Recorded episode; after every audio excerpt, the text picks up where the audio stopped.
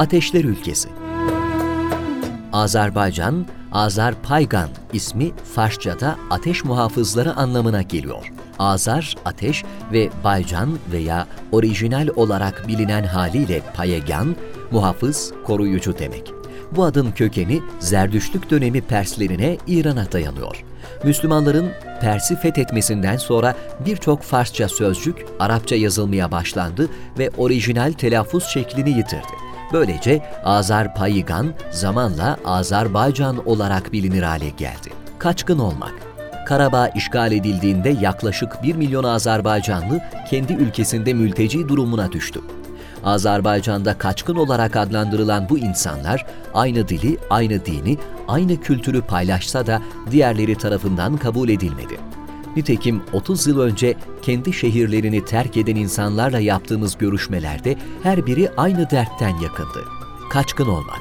Kaçkın diye adlandırılmaktan muzdarip insanlar bu tanımlamadan kurtulmak için şehirlerine dönecekleri günü bekliyorlar. Fotoğraflı mezarlar.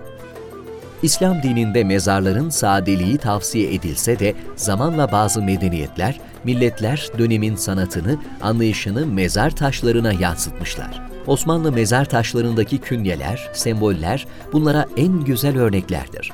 Dev türbeleriyle meşhur Asya coğrafyasındaysa bu anlayış yerini çağın imkanlarına bırakmış.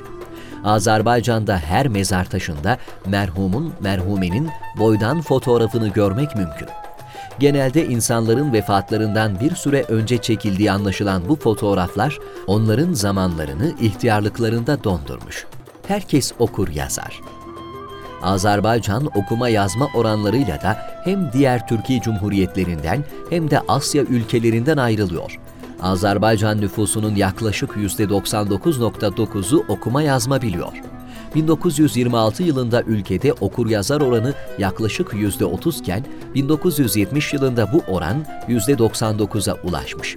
Bunda Sovyet döneminin eğitim politikası etkili olmuş.